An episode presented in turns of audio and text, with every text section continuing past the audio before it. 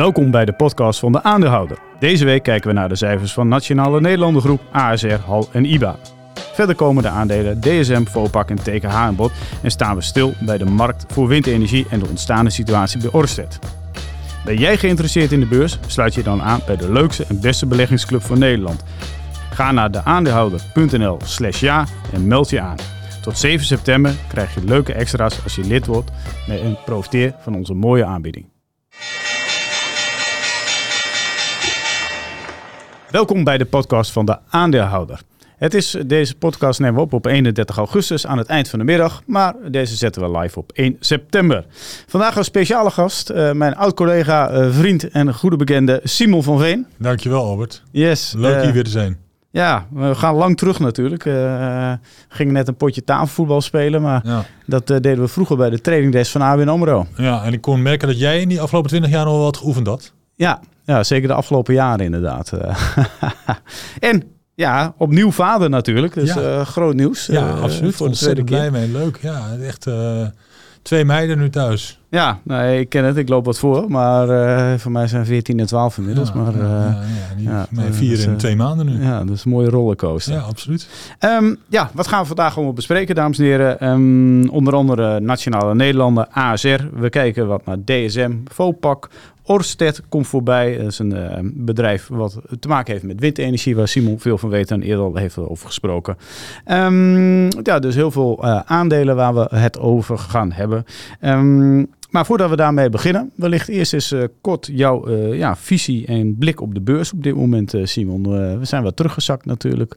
Hoe kijk jij nu naar de laatste ontwikkelingen? Ja, de beurs is onrustig. Hè? Dus, dus je moet als bedrijf echt goed nieuws naar buiten brengen, anders word je afgestraft. En minder goed nieuws of, of, of, tegenvallers worden, ja, worden flink afgestraft. Dus dat, de beurs onrustig en um, het is duidelijk dat veel beleggers een afwachtende houding hebben nu. Ja, ja wat, de... wat overigens kansen schept hè? voor, voor ja. mensen die cash hebben ja, die cash hebben. Ja. ja. dat is altijd wel handig dan in zulke soort situaties. Ja, Ja, want de Amerikaanse economie, de, de, de, de werk, werkloosheidscijfers of arbeidscijfers, uh, de GDP, de bruto binnenlands product, wat een beetje wegzakte. Is dat, is, ja, ja GDP kwam uit op 2,1% groei, zeg maar, uh, vorige maand.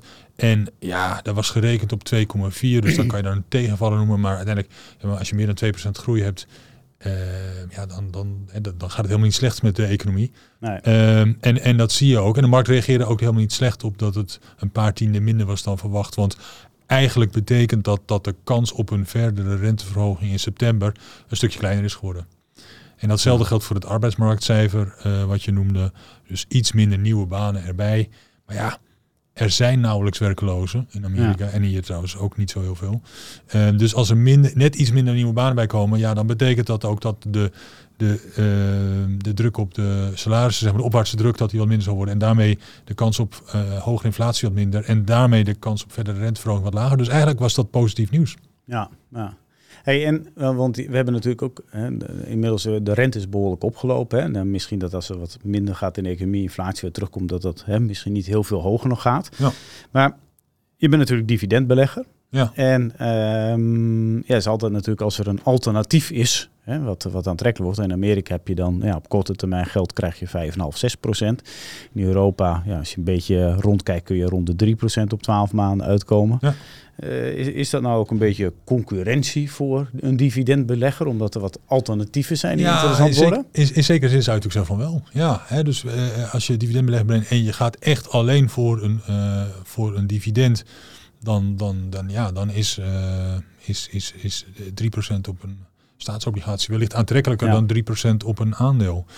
Maar goed, uiteindelijk heb je bij een aandeel natuurlijk uh, niet alleen uh, op de lange termijn niet alleen dividend, maar ook uh, koers, rendement waar je het voor doet.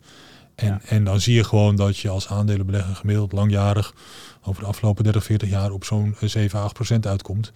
En, en ja, en dat is toch wel een verschil met, uh, met, uh, ja, met die rente van 3 die je net noemt. Ja. Nou, dat is de bedoeling inderdaad natuurlijk, dat het veel beter ja. is dan die 3 procent. Ja. Uh, maar het is een beetje een raar... Het is een beetje een raar jaar natuurlijk, want de, de, de markt wordt wel gedreven door een beperkt aantal aandelen eigenlijk.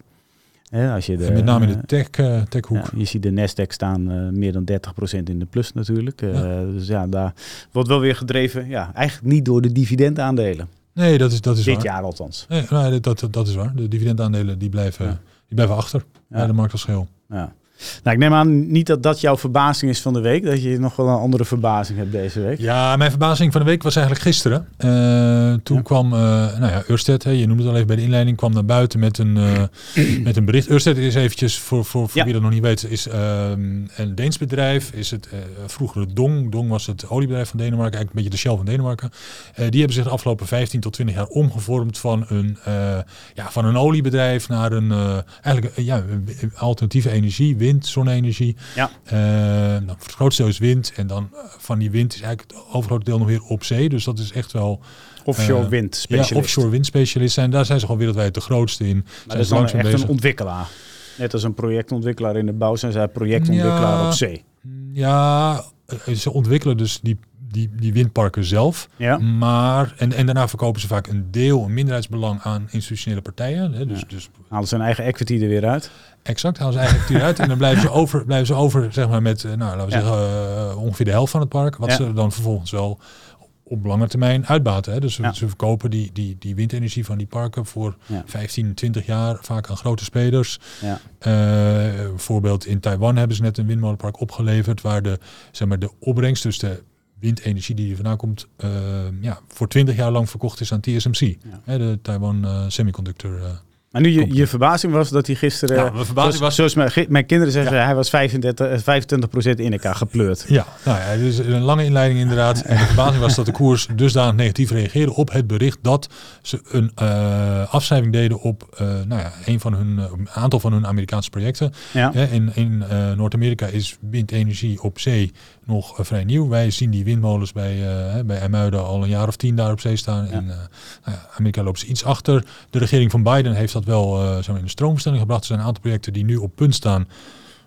Go or no go. Hè? Mhm. Ehm, en ja, wat is er in de afgelopen periode gebeurd maar, tussen het toekennen van het project aan Ørsted en die beslissing van gaan we het nu wel of niet doen? Ja, de rente is gestegen en eh, de kosten van materialen zijn gestegen. Toeleveranciers eh, willen hogere prijzen in rekening brengen.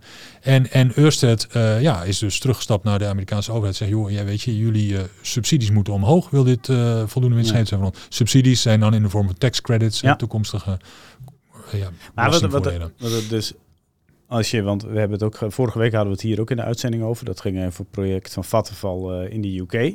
Maar wat dan wel opvallend is, is natuurlijk dat hè, er worden zeg maar eh, licenties of contracten geworven om een windmolenpark ergens neer te mogen zetten. Ja.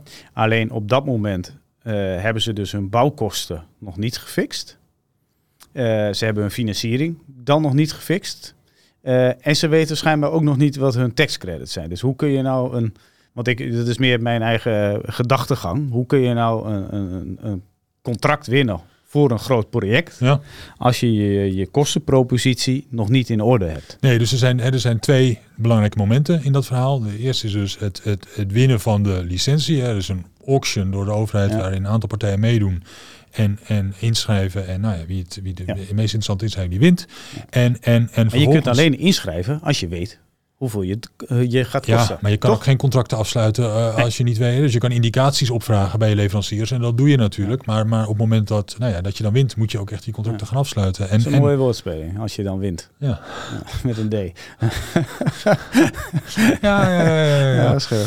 Ja, weet je, Pun ik denk, dat, ik denk zelf dat die rente volgens mij de grootste... De rente eh, is, heel belangrijk daarbij, absoluut. En die is natuurlijk ontzettend snel omhoog gegaan. En dan werken de sommetjes En, niet. en, en ik had vanmorgen een call met Ørsted hierover. En ik zei, jongens, ja, als je eer- helemaal eerlijk bent, je zei dat gisteren niet in je verhaal, maar is dit nou niet gewoon een onderdeel van je onderhandelingstactiek met de Amerikaanse overheid? Nou ja, eh, eh, ja, dat was inderdaad wel een belangrijk deel van de reden om, om, om, om zo naar buiten te brengen. Hè, onder druk zetten van, eh, let op, als, ja, als wij niet meer subsidie krijgen, dan gaat dit hele project niet door. En, Ja. ehm, en het, het positief, wat ik hier positief aan vind, is dat Ørsted dus heel duidelijk is. Van wacht even, bij ons gaat het om marges. ja. En wij, wij vinden marges belangrijker dan, dan omzet of, of, of in dit geval eh, eh, eh, eh, groei van de productiecapaciteit. Ja. Want productiecapaciteit bouwen waar je op Niks voorhand niet weet hoeveel je daarmee gaat verdienen, daar, daar heeft niemand wat aan. ja. En nou, aandeel ging min 25 procent. Ja. Ja. nu stel ik maar gewoon de simpele vraag. Koop je nu of niet? Nou ja, ik heb het al in mijn, uh, in mijn portefeuille, in mijn pro-beleggerportefeuille, in mijn beleggingsfonds. Um, en eh, als, je, als je nu zegt van, want dat, mijn volgende vraag natuurlijk aan, aan, het bedrijf was van, oké, wat is nu de impact? Hè? Je zegt in het persbericht, dit heeft geen impact op jullie guidance voor dit jaar, want... want, want ja, het project zal pas uh, precies. Uh, en, en, en wat is de, zeg maar, de lange termijn impact? Nou, op het moment dat dus alle projecten in Noord-Amerika niet door zouden gaan, dan zou dat betekenen dat hun langetermijn 2030 target zeg maar uh, 5% omlaag moet. Ja. Ja, ja, dan is 25 procent wel een forse. Nou maar het is waarschijnlijk natuurlijk ook, hè, want we hadden vorige week hier over SIF. Want SIF die gaat ook de, uh, de capaciteit verdrievoudigen. En het aandeel is eigenlijk, uh, sinds ze de financiering rond hebben, alles goed is, is het aandeel eigenlijk alleen maar gedaald. Mm -hmm. Omdat natuurlijk, uh, ja, je kunt het besmettingsgevaar noemen, maar alleen dat is niet zo. Maar de problemen die natuurlijk in de Verenigde Staten zijn, die waren ook in de UK. Die zijn ook in de Noordzee. De sommetjes zijn gewoon compleet veranderd ja. door hogere bouwkosten en hogere rente. Dus de, de, ja, het ziet er allemaal gewoon wat troebeler uit voor de industrie. Alleen de vraag is natuurlijk, ja, uh, in de renew renewables run, hoe graag willen we het? Want ja, dan zal er iemand uh, wat uh, water bij de wijn moeten Ja, doen. nou ja, kijk, en, en, en, en dat zijn natuurlijk uiteindelijk de overheden, laten we gewoon eerlijk zijn. Vattenval, ja. hè, over het voorbeeld van, van SIF en de Noordzee. Vattenval geeft de opdracht terug, zeggen nou, wij doen het niet. Ja, ja dan moet er een nieuwe auction komen, nieuwe inschrijvingen. het project loopt één of twee jaar vertraging op. maar uiteindelijk ja, gaat het ingeschreven worden tegen een prijs die bij de huidige rente wel winstgevend is. Ja, gaan die overheden dat doen? Want ik, ik spreek wel eens met SIF en dan zegt ze, uh, nou, Jette die was daar dan een keer op bezoek en dan die zegt dan van, uh, ja, goed idee, moet je doen. Maar ja, uh, ja, nee, kijk, het hangt een beetje vanaf. Maar als we, als, we, als we Frans Timmermans als premier kiezen in november, dan is de kans groot dat het wel doorgaat. Hè? Dus als je SIF aandelen hebt... Dan... Frans is heel praktisch ingesteld. Die, eh, als hij premier wordt, eh, dan denkt hij... wat deed ik vroeger? milieu? onze milieu gaat weer wat anders doen. Ja, ja ik weet het niet. Ja, nee, maar, maar dus... Hij zit nu zijn wachtgeld te tellen, toch? Fransie? ja, hij is reclame, campagne maken volgens mij. Campagne ja. voeren. Zou hij nou zijn eigen wachtgeld uit Europa investeren in zijn eigen campagne of niet? Geen idee of dat mag. nee, nee, maar dat is wel, uh, wel weer zo mooi natuurlijk. Want dat gaat straks in al die debatten, gaat dat het item worden, dat hij zijn wachtgeld gewoon incasseert. En dat vinden ze dan zo bijzonder. Ja, ja. Nou, aangezien Nico er niet is, maar ja, heb ik wel toch nog ook een verbazing. Dus dat, uh, ja. Nou, ik ben blij en dat, dat je is, uh, En dat is een beetje een opmaatje naar wat ik vanavond ga doen. Dat is dat ja, Ajax heeft natuurlijk een compleet vreemdelingenlegioen inmiddels aangeschaft. Volgens mij hebben we een heel elftal ongeveer met spelers uh, nou, die ik niet ken. Nee. Maar ja, nou ja, sommige klinken heel goed, hè, zoals die, die centrale verdediger. Um, dus ik ben wel verbaasd dat er eigenlijk gewoon schijnbaar volgens die uh, ja, nieuwe technisch directeur... Ik hoop dat hij het allemaal goed doet, want ik ben Ajax-fan. Maar dat hij een compleet vreemde legioen koopt. Dus vanavond zit ik op het tribunetje. Dus dan uh, gaan we eens een keer eh, met eigen ogen zien over uh, hoe het werkt. Ja, maar vanavond wordt natuurlijk, is dat een echte testcase tegen die Bulgaren? Ja, jij kent ze beter nou, dan ik. ja, het is geen echte testcase. Voor mij staan ze met 4 in voor. Daarom is het een soort veredeld Nee, maar het is wel een beetje natuurlijk van, hè, uh, kijken als het een beetje spelling komt te zitten. Ja, maar de trainer heeft heel veel ruimte om al die nieuwe spelers even te testen. Eigenlijk. Daar komt het op neer. Ja, maar ik vind, de, wat mij verbaast eigenlijk, er, er komt een nieuwe technische directeur. Uh, en er wordt van alles en nog wat gekocht. Niemand kent het. En de, ja, dat mag schijnbaar allemaal wel. Behalve iemand uit Rusland, dat mag niet. Nee, nee, nee, nee daar gaan we niet om beginnen. Nee, dat klopt. Die gaan niet, uh, geen geld naar Rusland sturen.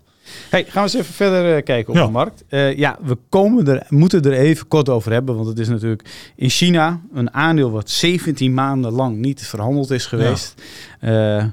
Ik weet nooit hoe ik hem moet uit te spreken. Evergrande of Evergrande of uh, hoe het ook heet. Ja, 87 procent lagere dat, koers. Ik denk dat de Chinezen het nog anders uitspreken, maar ja? ik heb geen idee, dus ik vind het prima. En ja, wat, wat, er gebeurt is, ja, 17 maanden zijn maar niet in gehandeld. En in Hongkong is een regel, als je 18 maanden niet uh, verhandeld bent, dan moet je listing verdwijnen. Oké. Okay. Uh, dus daarom hebben ze even haastachtig gezet ja. met die jaarrekeningen van 20 20 en 2021 volgens mij, want die, die, die er nog niet waren. Dat was de reden dat ze geschorst waren. Nou, die zijn inmiddels uh, bekend geworden en dat zag natuurlijk allemaal niet zo heel best uit.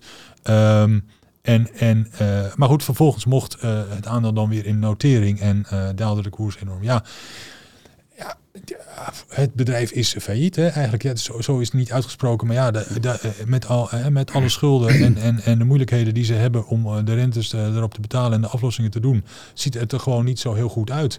Ja. En dat, uh, dat zorgde voor die koersdaling. Ja. ja, het zijn geen kopers en wel mensen die ervan af willen na 18 maanden er ja. tegen aangekeken te hebben. Ja, ik las een. Uh, kijk, ik heb uh, hier ook niet veel uh, mij in verdiend, maar ik las een zin. Het voorbestaan hangt af van de herstructurering van 29 miljard euro aan Ja. buitenlandse schulden. Ja. Dus ja, die Ja. moeten dan ook eh, swappen in aandelen of zoiets. Nou ja, precies. Dus als aandeelhouder wordt je hè, het voortbestaan. De en aandeelhouder is exit. het voortbestaan van het bedrijf. Hè, daar gaat het Ja. dan over. Eh, kijk, dus de, de aandelen hebben sowieso eh, geen, geen toekomst. Ehm, Zou dit nou, want ik, hoe dit precies gaat aflopen weten we niet, maar zou dit wat voor besmettingsgevaar kunnen ja, zijn? nee, dat hè? zie dat, volgens mij zie je dat nu al. Hè. dat, Deze week hadden we Country Garden, een andere Ja. grote Chinese ontwikkelaar die ook in problemen is gekomen. En eh, ja, de, de Chinese overheid die zal daar serieus moeten ingrijpen. ja. Ervoor moeten zorgen dat, dat nou ja, eh, alle, alle Chinese eh, ja, consumenten, maar even die een huis gekocht hebben bij, bij deze ontwikkelaars, eh, wel aanbetaling hebben gedaan, Ja. geen huis hebben gekregen, ja, dat die op een bepaalde manier.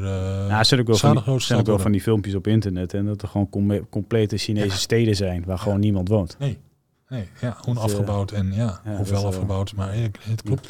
Het voelt een beetje eh, zeg maar wat er in 2008 gebeurde. Dat eh, iemand eh, hypotheek had op 10 huizen in Amerika. En dat was 36 keer gecollateralized bij anderen. Zoiets bij wijze van spreken. Zo lijkt het een beetje. Ja, dat gaat een keer fout. Ja, Ja. ja. Nou, ja. nou, laten wij het gaan hebben over zaken waar we wel iets van weten. of begrijpen in ieder geval. Ehm, ja, in jouw portefeuille bij ProBeleggen, maar ook in je, in je fonds, er zit onder andere DSM.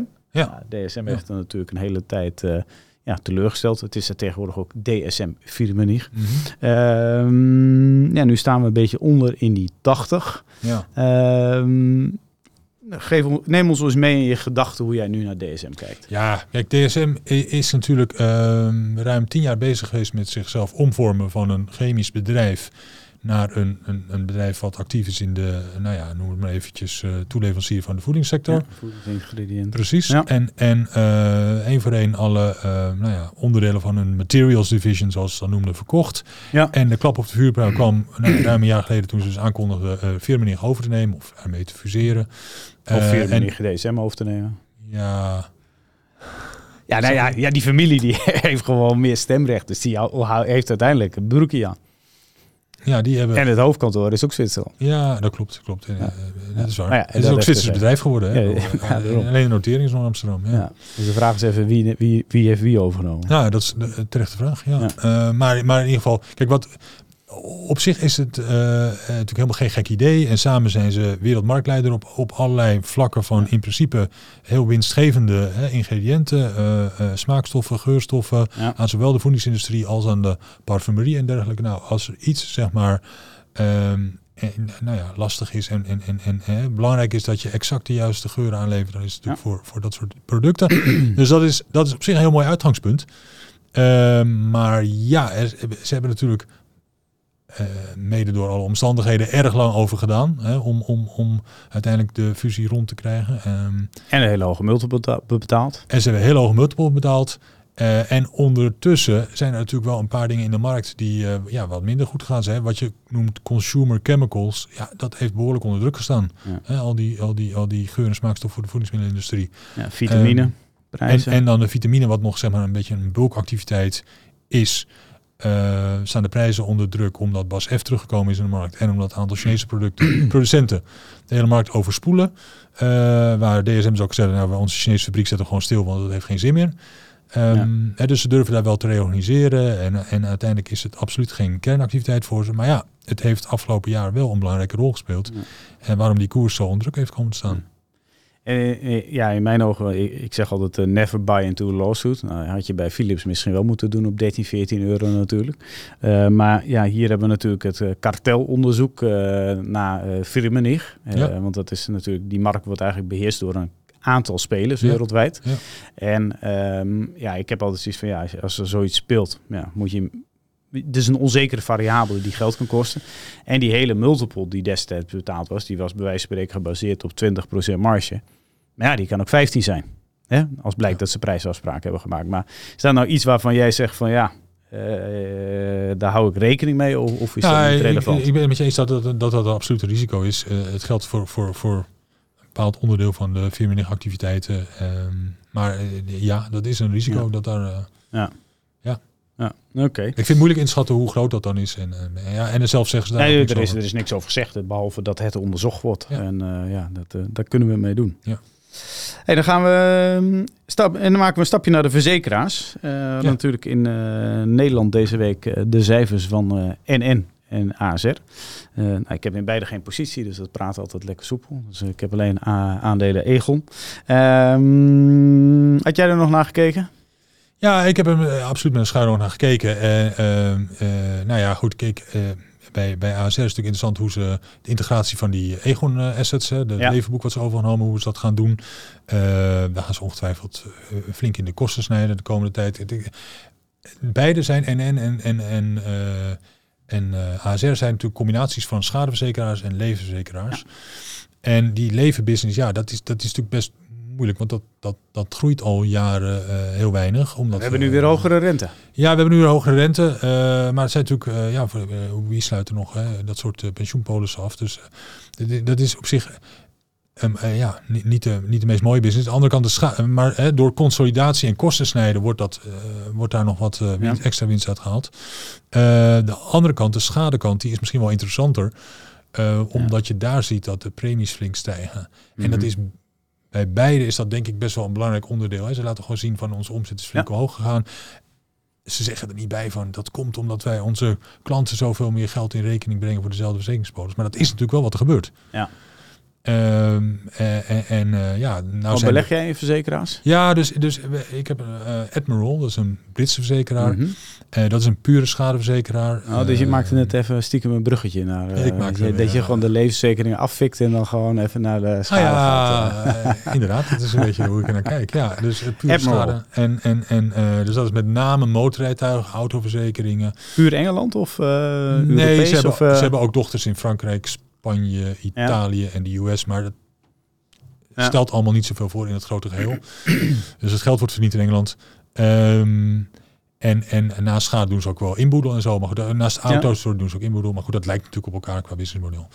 Ehm nee, het mooie daarvan is, is dat die eh, ja, al, al, jarenlang eh, marktleider zijn als het gaat om, om pricing. En pricing is best eh, ingewikkeld. Daar hebben ze gewoon best wel ingewikkelde modellen voor om te Mhm. kijken van wat is nou ja. gegeven je leeftijd en je rijstijl en je plek waar je woont en een aantal van die variabelen, type auto wat je hebt, om daar aan de juiste pricing neer te zetten. Ja. Nou, veel grote verzekeraars doen dat er een beetje bij. Hè. Als je een grote verzekeraar bent en je hebt 20 verschillende producten, dan is autoverzekering misschien een beetje saai en niet Ja. het meest spannende. Maar als je nou een pure verzekeraar bent, daarin gespecialiseerd, dan, Mhm. ja, dan, en je hebt dat jarenlang ontwikkeld, dan ben je daar gewoon heel goed in. En wat je Hebben nu zij ziet, dan ook, hè, want de verzekeraars natuurlijk, die laten altijd een combined ratio Ja. rapporteren ze natuurlijk. ja, hè, van als je 100 euro premies krijgt, hoeveel betaal je dan uit? Eh, nou ja, volgens mij zitten die Nederlanders tussen de 92 en 95 procent over het algemeen. Maar waar zit zo'n Admiral als specialist dan op? Nou, Admiral ehm, heeft dus eh, eh, eh, eigenlijk altijd tussen de 80 en de 90 gezeten. Soms zelfs onder de 80 is wat Ja. gebeurd. Nou, dan zitten ze veel lager inderdaad. Dat is heel laag. En ik zeg het dus voorzichtig, vorig jaar was een moeilijk jaar hè, voor al die verzekeraars. Omdat wat je dus zag, ehm, dat er in tijdens COVID, corona, minder met de auto's Ja. gingen rijden. En, en, en Premies daardoor uiteindelijk langzaam zeggen, eerst was dat heel positief. Daarna gingen premies daar, want ze gingen met Ja. elkaar concurreren. En toen, boem, ineens autoverkeer weer terug. Eh, meer ongelukken in combinatie met hele snel stijgende kosten voor het repareren van die schades. Dus Ja. vorig jaar was voor zeker een moeil- eh, moeilijk jaar. En dit jaar zie je dat dus eh, ja, premies in Engeland 40% gestegen zijn. 40? 40, 40, ja, jaar op jaar over het tweede kwartaal. Oké. En ehm, ja, dat is gewoon ontzettend veel. Tuurlijk, de, de, de kosten voor schadereparatie zijn 15 à 20% gestegen. Ja. Misschien dit jaar nog ietsje meer zelfs. Ehm, Ik nooit schade. Maar, maar, maar, maar van die 40% komt er. Ja. van die 40% komt er een flink deel gewoon in de marge terecht. En, en Ja. daarom is die combined ratio zo'n stuk verbeterd dit jaar. Eh, nou is het natuurlijk zo dat eh, die 4% wat ik noem, dat is dus voor mensen die in het tweede kwartaal een nieuwe polis afgesloten Ja. hebben. En Ja. eh, meeste mensen doen het geleidelijk duurt het jaar. Dus, dus het duurt nog een tijdje voordat die hogere opbrengsten ook echt in de cijfers van, van Admiral zitten. Dat, dat duurt, nee, duurt drie, vier kwartalen. Maar wat voor, hè, eh, verzekeraars je hebben vaak over of price to book of koers-winstverhouding. Maar wat voor koers-winstverhouding handelt dan zo'n Admiral? Wat voor dividendrendement handelt zo'n Admiral? Kopen ze aandelen in? Gewoon om een beetje de parallel te Ja. trekken. hè. Want als ik NN bijvoorbeeld, die eh, hebben een dividend yield van 8%. Die kopen ruim 2% van de aandelen in. Dat gaan ze de komende jaren doen. Dus je krijgt elk jaar ongeveer 10% retour afzender. Ja. Nou, bij zo'n ASR, die zit natuurlijk, hè, die zit nu iets meer op de integratie. Dus dat zal nu iets lager zitten. Ja, en Egon, dat gaat gewoon in de komende drie jaar ongeveer 45 tot 50 procent teruggeven aan de aandeelhouder. Dus hoe, hoe, ja, hoe staan Ja, met laatste Egon is natuurlijk, dat is natuurlijk een bijzonder geval, omdat die dus heel veel cash hebben gehad. Of, of Ja. aandelen ASR, die ze dan weer in de markt gaan zetten. Cash uitkeren. Maar, maar eh nou ja, Admiral, ehm, zeg maar op een koerswinstverhouding van, van, van 12 misschien, eh, eh, met een 90% payout. Ja. Nou ja, dan kom je 7, 8% eh, dividendrendement. Ja. Ehm, dus Alleen wel groei. En je zegt bij die Nederlanders zien we eigenlijk niet veel groei. Nou, eh, eh, zien we eh, volgens mij minder groei. En, eh, Ja. ja. en, en gewoon eh, iets minder, ja, minder goed voorspelbaar, zeg maar, door dat levendeel. Ja, ja. Oké, Ja, nou, dat waren de verzekeraars dan. Ehm, ja, zoals gezegd, Nico, of Nico, ik zit dus in, in Egel, Simon zit in Admiral. Ja. Ehm, ja, vandaag waren ook nog de cijfers van Hal. Ehm, en eh, ja, eigenlijk beleg jij ook een beetje als Hal met een van je aandelen natuurlijk. Maar heb jij nog gekeken naar de ontwikkeling van de NEV van Hal? Ehm, nou ja, eh, die ontwikkeling, ja, de, de discount zeg maar ten opzichte van de NAV, die is wat groter geworden de laatste paar Ja. jaar. Ehm, en, en volgens mij de NAV heeft zichzelf wel positief ontwikkeld, als ik het goed zeg. Ja, ja, was een klein beetje hoger, ja. Ja, Ja. Dus, dus, dus dat op zich is... Als de beurs omhoog gaat, gaan ze ook een beetje omhoog. Ja, ja, ja, nou ja. Dat, Ja. En Boskalis heeft het ook volgens mij niet slecht gedaan, hè, als Nee. hun belangrijkste holding. Ja, Ehm, dus dus eh, ja, ab- absoluut geen slecht bedrijf. Maar, Ja. maar ja, om er nou in te stappen zeg maar, met het idee van die, die, die eh, discount van 22%, die gaat er morgen uitlopen. Dat, dat denk ik niet. Nee, het is ook een beetje als je er naar kijkt, inderdaad, van ja, 40% van de NEV is eh Boskalis, dan heb je 20% is Vopak en 25% is cash. Ja. Dus ze hebben een mooie bak eh, cash. Ja, dan zit je al op eh 85%. Nou, dan hebben ze nog wat SBM'tjes. Hebben ze een klein stukje in, in Coolblue. Heel klein stukje, 2% van de NEV. Alleen eigenlijk, ja, als ik er naar kijk, denk ik een beetje van... ja, ze zijn een beetje vastgeroest in het verleden. Want ja, ze zitten eigenlijk in de, ja, de maritieme sector. Daar hebben ze ook verstand van. Ja. Ze hebben twee uitstapjes daarbuiten gedaan. Nou, dat heeft een half, half miljard aan afschrijvingen gekost. Dus eh, ik heb ook eerlijk gezegd geen idee eh, wat ze daar aan het doen zijn. Wat de strategie nu is. Want ze hebben eh, 2,5, 3 miljard cash staan. Eh, ja, ze kunnen nog een pogingje doen voor eh, SBM of Vopak misschien. Maar ja, wat ze verder moeten verzinnen. Ja, ja, nou ja, Vopak was een jaar geleden misschien een stuk interessanter geweest. Maar eh, Ja, ik had ook eerlijk gezegd toen altijd gedacht, toen ze op 18 stonden, van eh, voor 25 eh trek je wij- eraf. wij hebben hier een call gedaan vorig jaar Ja. november. Volgens mij toen stonden ze op Ja. 18 of 19. En toen zei hij voor 30 euro mogen ze mijn stukken hebben. Ja, ja hebben, ze niet hebben ze niet gedaan. Nee, en, en inmiddels doe je dat niet meer volgens mij voor 30 euro. Nou ja, ik heb ze niet verkocht, dus ik heb ze ook nog op 33. Daarom. daarom. Inclusief alle dividend. ja. Dus, eh, Ja. Wat zit jij in Vopak? Ja, hij zit in Vopak. En Ja. eh, nou ja, ik denk dat het bedrijf gewoon de komende eh, jaren flink gaat investeren.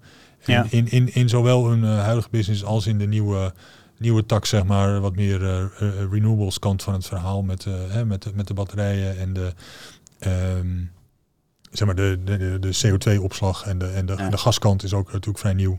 Eh, ze gaan in Rotterdam die eh, eh, Gate Terminal met een, een, komt een vierde, een joint Ja. venture, er komt een vierde eh, terminal bij. Dus dat, dat, ja, die business groeit gewoon gestaag. Ja. Ehm, en, en ze gaan ook, zeg maar, ja, het profiel verandert een beetje. Hè? Dus minder afhankelijk van de, van de, ja, van de korte termijn eh, oliecontracten. En steeds meer, zeg maar, terminals met, met lange contracten Ja. voor vele jaren. Waardoor, het, eh, waardoor de cashflow op termijn beter voorspelbaar wordt. Ja. Maar ik, ik worstel zelf wel een beetje, hè, want ik, heb- ik heb die aandelen en eh, ze, ja, ik heb ze voor me ook gekocht rond dit niveau. Nou zijn ze eh, naar 18 gegaan, nu staan ze weer terug hier. Dat er- je denkt van ja, het lijkt wel, hè, het lijkt wel aantrekkelijk geprijsd nog steeds, hè, want, want waarom staat er geen 40 of eh, tussen 40 en 45?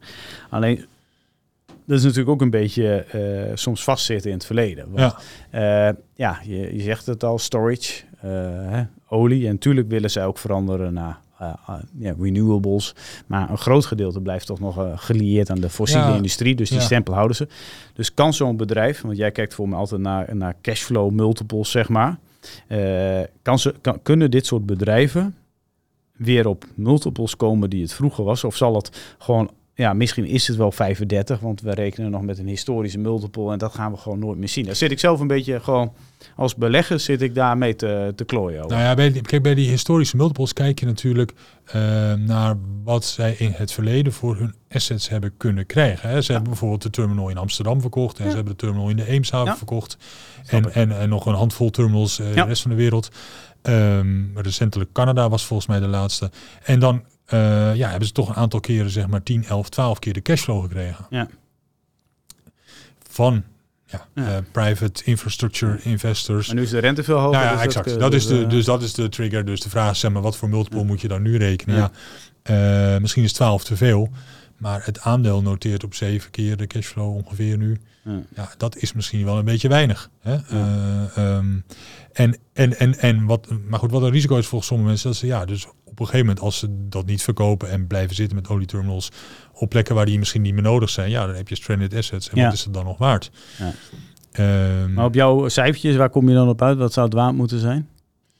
nou, ik denk dat het 50, 60 euro per aandeel eh, eh, waard zou kunnen zijn. Oké. Ehm, maar goed, eh, Nou, voor mij mag Hals morgen hebben hoor, op 45. Vorige keer maar dan ben je toch al van 30 naar 45 gegaan. Dat is toch 50% in een jaar tijd. Johan, ik ben gewoon een opportunist. je kijkt niet gewoon, verkeerd. net als een analist, hè, die kijkt altijd van wat staat er nu? En dan doe ik het iets hoger of iets lager. Ja, Dat, ja, ja, ja, dus, ja, eh, ja, ja, ja, goed. Ja. Kijk, je referentie is gewoon wat er op de koersborden staat. Dus, eh, en nu is het iets hoger. Alleen het was natuurlijk die 18, dat kwam ook wel, eh daar zat wel het effect in natuurlijk dat eh, Oekraïne, hoe ging dat aflopen voor de bezettingsgraden? Dat was natuurlijk allemaal worst case scenario's van dat Vopak heel hard geraakt. Hè. Dus Ja. dat was natuurlijk wel een undershoot. Alleen, ja, zijn mooi hersteld sindsdien. Ja, luister, Dus, ze gaan eh, gewoon een record cashflow draaien dit jaar hè, van, van, Dus, eh, van eh, rond een miljard euro. Ja. Ehm, Dus, daar, is, Hal. he- daar is helemaal niks mis mee. Hal, doe wat met je geld. Koop onze stukken. Ja, ja, dat, Hal, dat heeft gewoon daar 3 miljard liggen. Ja, die zouden het zo. Uh, Dus, eh, lijkt me toch hoeven niet zoveel bij te lenen. Daarom, ze hebben al de helft. Daarom. Dus een strikje eromheen. En we komen de aandelen brengen in Rotterdam. Dus, nou, dat was onze oproep om Vopak van de beurs te halen. Ehm full disclosure dus, we hebben ze allebei. Ehm, dan een ander aandeel wat ik nog wel even wilde bespreken. Dat eh, voor onze Belgische luisteraars. Dat is het, eh, denk ik, niet heel bekend bij jou. Maar is niet echt puur dividend aandeel. Ion Beam Applications. Ja, nee, ik, heb, ik, ik zal eerlijk zeggen, tot vandaag had ik er nooit van gehoord. Maar in de voorbereiding op dit verhaal heb ik natuurlijk wel even naar gekeken. En ik zag Ja. wel dat ze een dividendrendement hebben van ruim 2%. Dus nou ja, goed. Ja. Potentieel zou het kunnen. Ja, ja. Nou, een van onze eh, collega's natuurlijk, Stefan Kastelein, die had er vanochtend ook een stukje over geschreven. Want het bedrijf maakt eigenlijk ja, kamers eh, ja, om, eh, ver- ja, om behandelingen eh, tegen kanker mogelijk te maken. En ja, hebben een enorm oude boek. Alleen ze hadden in de eerste helft van dit jaar veel minder ja, zeg maar afgerond aan apparatuur dan wat was verwacht. Alleen ze hadden aan de andere kant veel meer geïnvesteerd. En, en, en waarom hadden ze minder afgerond dan verwacht? Omdat ze dat doorgeschoven is naar H2. Zeggen ze. Ja. ja, het zou kunnen. Ja, dat zou kunnen. Dus, ja. eh, alleen het is wel, het aandeel ging min eh, 12% Want ja, de omzet kwam uit op 170 miljoen ten opzichte van een verwachting van 216 miljoen.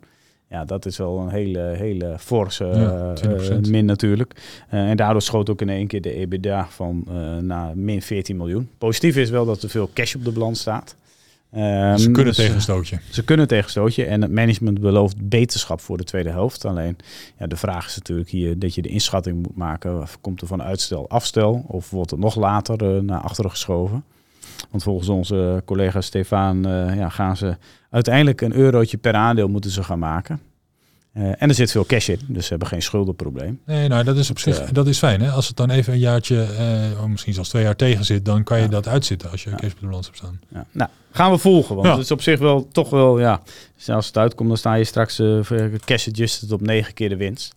Ja, voor een, toch wel interessant natuurlijk. Voor een medisch-technologisch bedrijf is dat heel interessant. Ja, Misschien, en misschien groeit het dividend wel, Simon. Dan, eh, is Nou, als, als, eh, als eh, die verwachtingen uitkomen, gaat ook dividend groeien, volgens mij Ja. wel. Ja. Hey, want in jouw eh, fonds, het eh, Sustainable dividends value fund. Je Ja. dacht van ik pak drie dingen die mensen kunnen interesseren. Dat is value, dividends en sustainable eh, Ja. te pakken, Ja, en tezamen. ik probeer bedrijven te vinden die in alle, Alle drie, die categorieën vallen. Hè? Ja.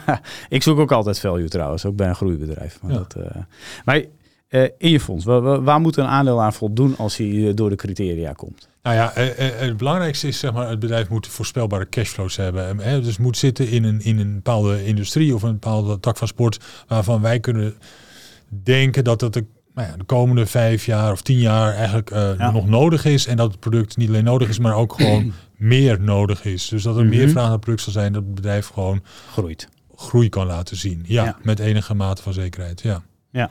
Dat is het belangrijkste. En dan daarnaast eh, is een fijn- minimaal dividend, 2%? ja, een minimaal dividend van, van 2%. Bij voorkeur ook een dividendhistorie die laat zien dat er eh, in het verleden ook dividend netjes regelmatig gegroeid is. Ja, Eh, bij voorkeur een sterke balans, daar hadden we het net al een beetje over. Ja. Want het kan gewoon af en toe een jaartje tegenzitten dat je orders vooruitgeschoven worden. gebruik je nog steeds de Alman set score of niet? Nou, Altman Z-score is natuurlijk een, zeg maar een makkelijke, kort door de bocht indicatie van of een bedrijf een beetje sterk Ja. voor staat of niet. Dus dat is, daar is helemaal niks mis mee om daar naar te kijken. Ja. Eh, een combinatie van vijf verschillende variabelen, maar we kijken ook regelmatig naar gewoon individuele variabelen Ja. en gewoon de balans zelf analyseren, uiteraard. Ehm, en dus Doe je dat dan? Want eh, je je hebt dan, ja, er zijn duizenden aandelen. De keuze is reuze, zeggen we allemaal Ja. altijd. Ja. Hoe, kom je nu tot, eh, tot, tot, een groep dat je zegt, hey, daar ga ik beter naar kijken? Kijk, je kan niet, zeg maar, als je bij de A begint van boven naar beneden, die lijst van duizend eh, bedrijven. eh, ABN af- AMRO. Ja. Oh nee, Albert, sorry. Nee.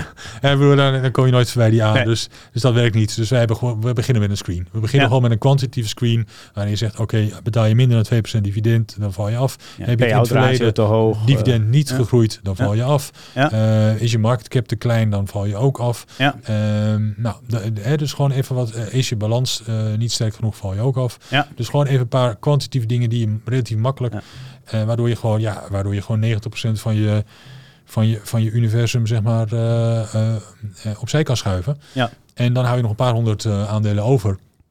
Nou, en dan, dan is het wel goed mogelijk om daar gewoon zelf eens even logisch over na te denken van, doet dit bedrijf nou iets ja. waarvan ik denk dat het in de toekomst beter gaat. Ja. Hè, eh, eh, ehm, eh, doen ze iets duurzaams? Doen ze iets... nou ja, goed. Ja, die olieindustrie is natuurlijk een voorbeeld. Ja. Tuurlijk, het komt niet door het vakje sustainable. Ah, en ook niet echt door het vakje van voorspelbare cashflows. Zeg maar. Natuurlijk gebruiken we rijden er over, over, over tien jaar nog steeds benzineauto's rond en, en, en best wel veel. Alleen minder dan nu. Hè? Ja. En, en, en de vraag zeg maar, gaat minder worden. Ehm, dus die, die duurzaam groeiende cashflows, ja, dat, die zien wij even niet. Natuurlijk Ja. eh, beweegt het met de olieprijzen, maar dat is op korte termijn allemaal moeilijk voorspelbaar. Ja. Ehm, hè, dus de, ja, Ja. dat, Nou, soort, dat soort criteria. En, da- en daarnaast, eh, management is belangrijk dat die Ja. Aligned zijn met de aandeelhouders. Dat klinkt heel logisch, maar dat is absoluut niet altijd het geval. Eh, governance is heel belangrijk. Dus als er eh, ja, eh, eh, geen rare constructies. Geen rare constructies, precies. Ja. Ja. nou, maar voor de luisteraars die denken, nou, ik ben eigenlijk wel benieuwd waar Simon in belegt. Nou, Simon heeft een fonds, maar dat is wel een bepaalde minimum instap die je daar natuurlijk voor nodig ja, hebt. we, we hebben zowel een fonds met een minimale instap als een UCITS fund wat gewoon voor, ook voor retailbeleggers Oké. eh, beschikbaar is. Ja. Ja. alleen bij ABN AMRO op dit moment, hè? Voilà. Ja, dus eh, en mocht je ook denken van nou, ik wil het zelf wel eens kijken, bij ProBeleggen is ook de portefeuille van Simon eh, inzichtelijk eh, met een abonnement. Dus dat eh nodigen we je van harte uit om eens een keer te gaan kijken waar Ja. Simon allemaal in belegt. Meestal een aandeel of 15 tot 20. Ja. Dat is een mooie gediversifieerde dividendportefeuille. Ehm, ja, dat brengt mij nog bij een aandeel waar jij dan ook in belegt. En dat is natuurlijk, ik zoek een beetje naar de Nederlandse aandelen ook in je portefeuille. Tuurlijk. Ik kon voor mij geen Belgisch aandeel vinden, klopt dat? Eh, op dit moment niet. Nee. Nee. nou, dus toen kwam ik bij eh, onze vrienden van eh, TKH kwam ik uit. Want ja, ze recent wat gedaald. Zit in jouw portefeuille. Ja, wat is gebeurd? Ja, nou TKH is natuurlijk een, een, een, een beetje een bijzonder bedrijf. Het is, een- het ze doen best veel activiteiten die allemaal toch wel eh, afkomstig zijn of gerelateerd aan de, aan, ja, de kabelgeschiedenis van het bedrijf. Ja. Het is hè, de Twentse Kabelholding is het oorspronkelijk. Maar wat zijn hun hoofdactiviteiten? Dat is dat nog kabels en dat is de automobiel eh of autobandenmaakmachines. Ja, Dat ja. zijn hun twee dingen, hoofddingen. Ja, ja, daar- zit ook, hè, daar zit ook een soort kabeldraad in verweven. Dus zo is dat ooit gekomen. Maar, maar ze maken ook... eh, ja, ze hebben ook bijvoorbeeld allerlei cameratechnologieën Ja. in hun vision eh, afdeling. Als je, de, als je de parkeergarage inrijdt, eh, dat ze zeggen linksaf is een plekje vrij.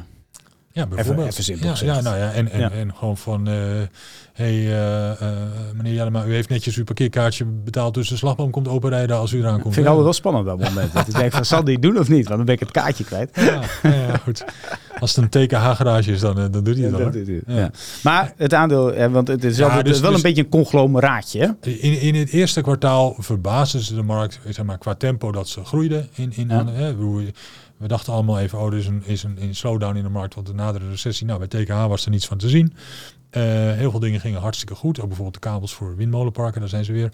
Ehm, en en, en eh, werd de groeiverwachting bij veel analisten naar boven bijgesteld voor het hele jaar. Nou ja, nu waren de halfjaarcijfers, en zagen we dus het tweede kwartaal. En het bleek dat in het tweede kwartaal zeg maar, die groei wat minder was. Ja. En, en volgens mij rapporteerden ze even uit mijn hoofd 3% omzetgroei. Wat, ja, en wat op zich helemaal niet slecht is of zo. Ja. Maar het is gewoon net iets minder dan analisten eh, eh, op gerekend hadden. En ja, we zitten echt in een, waar we begonnen mee, eh, dit, dit, dit, deze podcast eindigt ook mee. We zitten in een beursentiment waarbij als je niet heel erg meevallen Ja. rapporteert, dan word je afgestraft. Dus de Ja. koers daalde een procent of tien daardoor. Eigenlijk is het ook, hè, want ik zit, we hebben hier ook wel mensen over op de vloer hè, die wat met private equity doen. Eigenlijk is het ook een perfecte kandidaat om op te hakken, op te knippen voor private equity. Er is een CEO, die is al enigszins op leeftijd. Eh, het is een bedrijf, ja, het is altijd leuk om te zeggen, maar het is zo. Het bedrijf is niet hoog gewaardeerd. Nee, Er zitten heel veel losse onderdelen in. eh, waar je van je kunt zeggen van ja, sommige kun je misschien heel goed afstoten. Hè, die passen beter bij een ander bedrijf. Dus waarschijnlijk is het som der delen hier significant hoger dan wat je nu krijgt. Omdat er valt elke keer wel wat tegen. Hè? Want het is, ja, soms valt het een keer mee, zoals in Q1. Ja. Eh, maar nu valt het weer tegen, want dat is een beetje mijn geschiedenis zeg maar, met TKH. Nou, we hebben dan die, we hadden ooit zo'n zo'n raster met zeven bij zeven eindmarkten, et cetera. Ja, En toen zei ik tegen de CEO van, ga je dan met een datpel gooien waar je gaat investeren? Want ja, je hebt 49 vakjes, eh, Ja, bij wijze van spreken. En, en dat is het een beetje. Ehm, ja, hoe gaan ze dat doen? Maar ja, dat is, maakt het wel ideaal. Ja, kijk, ze hebben bijvoorbeeld eh, vorig jaar flink geïnvesteerd in een, in, een, in een nieuwe fabriek die, eh, die die kabels maakt om eh, windmolens op zee onderling aan elkaar te verbinden. Hè? Nou, dat, Van dit zo. Ja, gewoon van die dikke stroomkabels, zeg maar, hè, waar, waar behoorlijk wat eh, power doorheen kan. Ja, En, en dat was nog best lastig trouwens, want, want in hun standaardfabriek, die staat ergens in de buurt van Twente, Ja. aan, een, aan, een, aan een kanaal. Maar omdat die, die kabels zo dik zijn, dus normaal gesproken worden ze om zo'n haspel gedraaid. dat wil niet. Dat werkt, dat werkt niet, hè? Dus dat werd een heel groot haspel, werd een hele grote rol. En die rol was zo groot dat die zeg maar niet door de sluis heen paste aan het eind van het kanaal. Ja. En Dus- ik kom bij de, de windmolenmarkt nu eh, op zijn gat liggen. Nou ja, dus, dus die hebben daar net een nieuwe fabriek voor gebouwd. Eh, volgens mij in de Eemshaven, als ik Maar het er, is, er was niet een ingenieur die van tevoren dat had bedacht met de tekening. Nee, is een grapje. Nee, ja, nee, dus, dus, dus ja, over dat ze daarom, daarom nieuwe fabriek bouwen eh, eh, in Ja. de buurt van zee waar die parken komen. Ja. Op zich allemaal heel goed. Eh, Ja. ja. nu, nu, nu valt die windmolenmarkt dus even een, een kwartaal of een paar kwartalen tegen. En dan, dan is de bezetting van zo'n fabriek Ja. wat minder dan verwacht. Ja, nou, Dat was even- dat waren even die dingen. Eh, maar ja, ja goed, ik beleg niet in het aandeel voor dit kwartaal of voor volgend kwartaal. Het is gewoon omdat dit een lange termijn groeimarkt is, waar TKH een van de grootste spelers is. En, en, en waar, ze, Ja. waar ze de komende jaren veel geld aan gaan verdienen. Nou, het is wel... ehm, Ja, Ik denk eh, echt een, eh, ja, voor mijn gevoel ook echt een aandeel wat, wat misschien beter uiteindelijk eh, in deel, delen kan of niet op de beurs. Ja, ik heb en- geen positie, dus maar wat, wat voor deel ook gewoon ja, ondergewaardeerd wordt omdat het onbekend is bij, bij een groot deel van het publiek, zeker buiten Nederland. Nou, is misschien nog wel even een leuk opstapje naar het eh, laatste onderwerp. Want hè, we zijn altijd, we, ja, we zijn op dit moment, want we hadden net ook een gesprek, eh, in het voorgesprek zeg maar. Ik lijk wel Harry Mens, we hadden een voorgesprek. ja. Je lijkt niet op Harry. Nee? Nee. Nee, nog niet. Nog niet. Ja, ja. Over 20 jaar, Ja. 30, nee 40 jaar is het inmiddels. Nee, maar dat we een beetje, we zijn bezig met beter bed. Hè, want we hebben daar, eh, dat eh, gaat van de beurs af. Er was een premie van 100%.